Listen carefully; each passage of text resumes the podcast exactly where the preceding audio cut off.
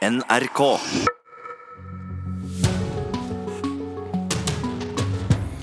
Nå har eh, Thomas Alvarstein Ove kommet til studio. Det betyr at Kulturnytt er på trappene. Vi skal snakke om eh, Oslo Filharmoniske Orkester, som er ute med ny eh, plate, Thomas.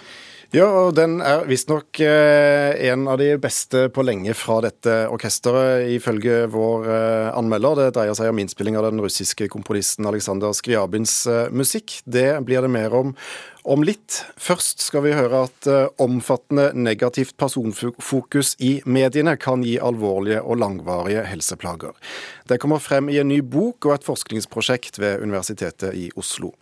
En av dem som er intervjuet til boken, er tidligere direktør i fotballklubbene Lyn og Fredrikstad, Morgan Andersen.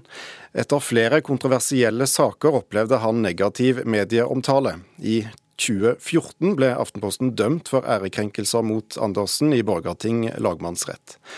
Andersen mener mediene slurver med samtidig imøtegåelse.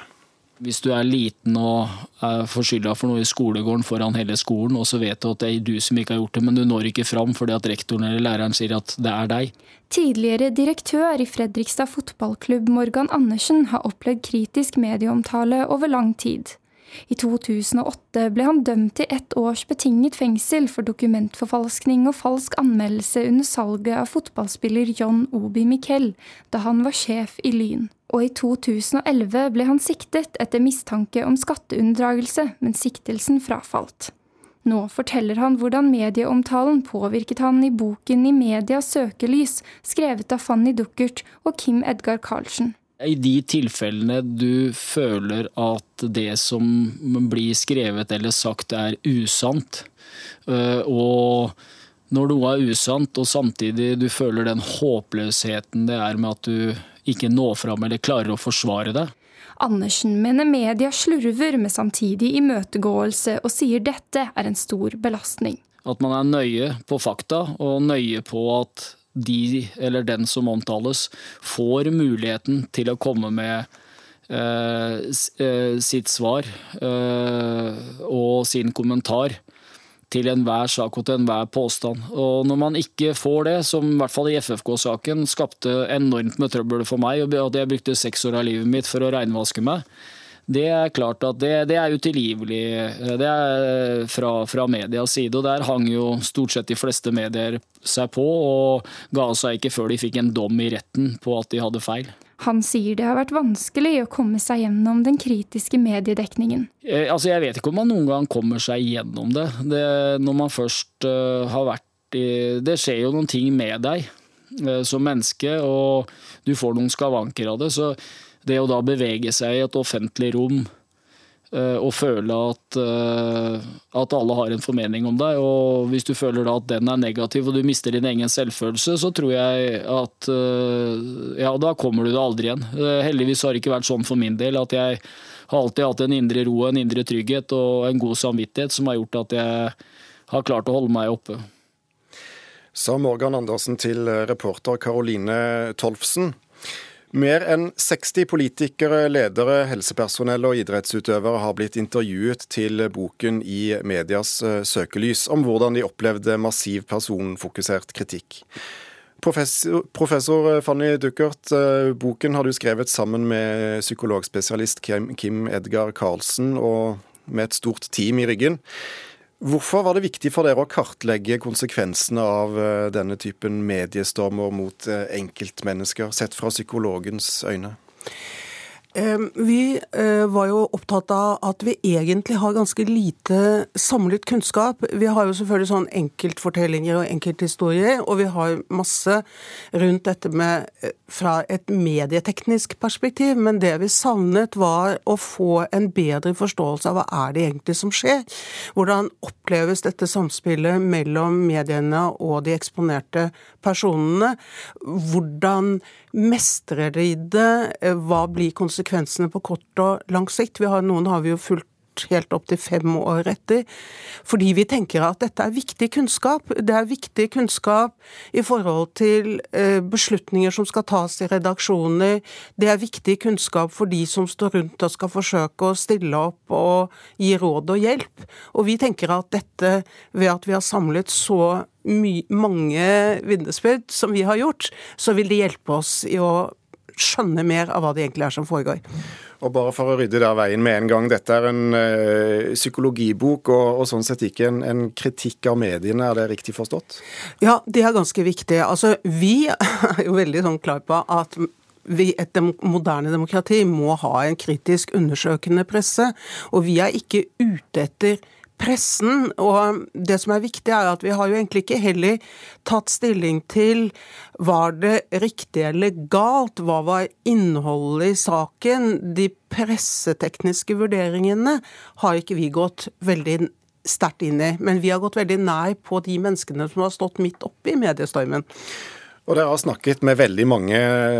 Går det an å si noe generelt om hvordan de opplevde å, å bli et det vi da kaller medieoffer? Ja, nå hører det jo med til historien at det er jo ganske stor variasjon i materialet vårt, så vi vil vel ikke gå ut og si at medieoffer er det som kjennetegner alle. Vi ble egentlig ganske overrasket over hvor mye ressurser det var, og hvor faktisk hvor mange som klarte, klarte seg ganske godt. Men det vi så, og eh, som Det var jo flere faser, og det var mange ting som ble vanskelig og tøffe for folk. Det ene var jo selvfølgelig omfang, mengde, uh, uforutsigbarhet, invadering av eget hjem, av, som jo ble veldig sterkt og veldig krevende og utmattende. Og, men hvis vi skal si noe om hva er det som er det verste, hva er det som gjør at det blir tøft for folk?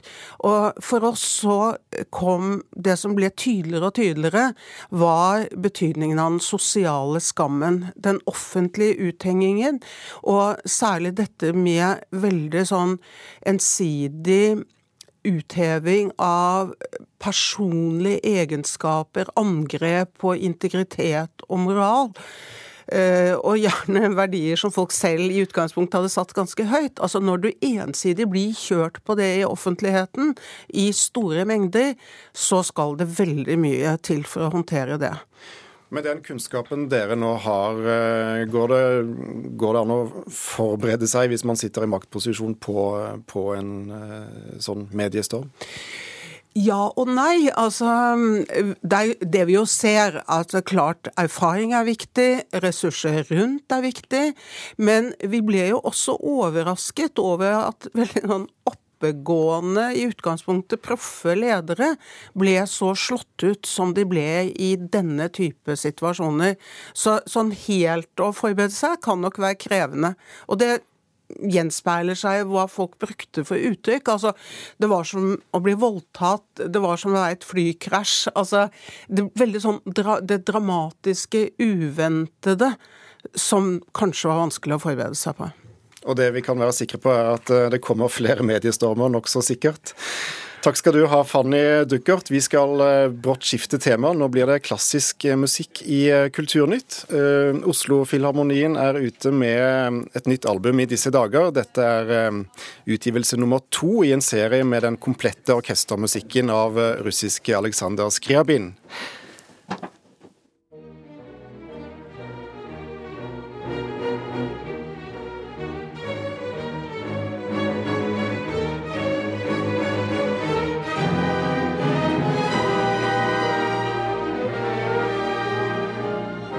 Vi eh, hører Alexander Skrabins eh, symfoni nummer to i eh, C-moll, fremført av Oslo-filharmonien under ledelse av sin sjefdirigent Vasilij Petrenko.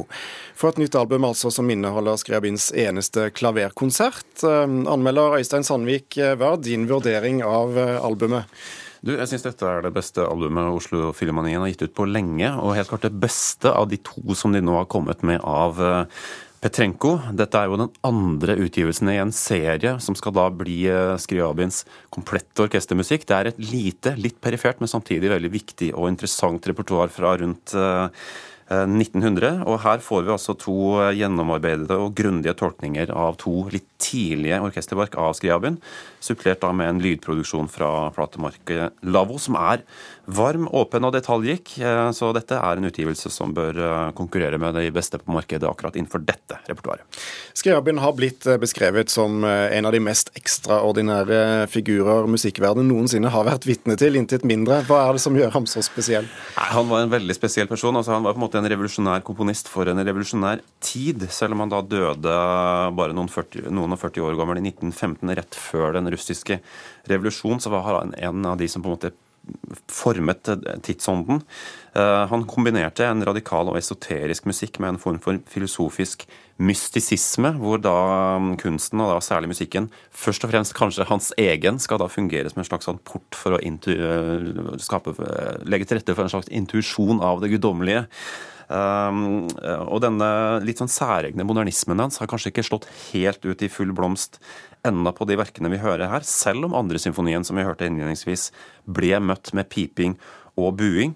Um, klaverkonserten er enda tidligere, den er fra 1896. Litt sånn i utkanten av standardrepertoaret og står noe i skyggen av Rakhmaninov, kanskje, men uh, et verk som definitivt fortjener å spilles mer.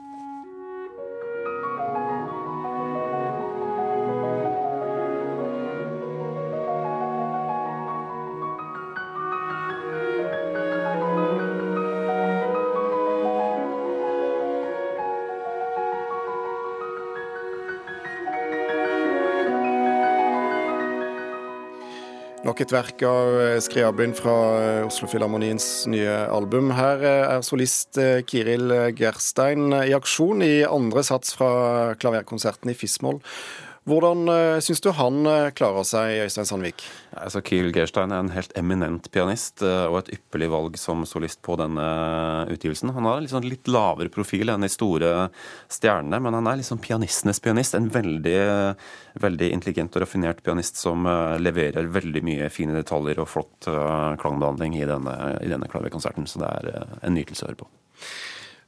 Vi hører du er begeistret. Det blir nesten overflødig å spørre om konklusjonen.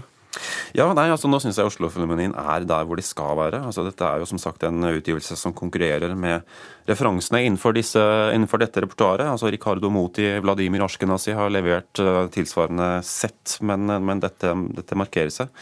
Uh, som sagt, det er noe av det beste jeg har hørt fra Petrenko. Ehm, det som kanskje er litt sånn det dramatiske fokuset på utgivelsen, er da den langsomme midtsatsen i denne andre symfonien, som Petrenko strekker veldig i tempo. Han dirigerer veldig langsomt, men strikken holder. Så det blir jo da resultatet blir en tolkning som i drama og intensitet skiller seg ut i markedet av eh, innspillinger av dette verket. Da skal vi ta oss bitte litt tid til å høre på den satsen til slutt. Takk skal du ha, Øystein Sandvik.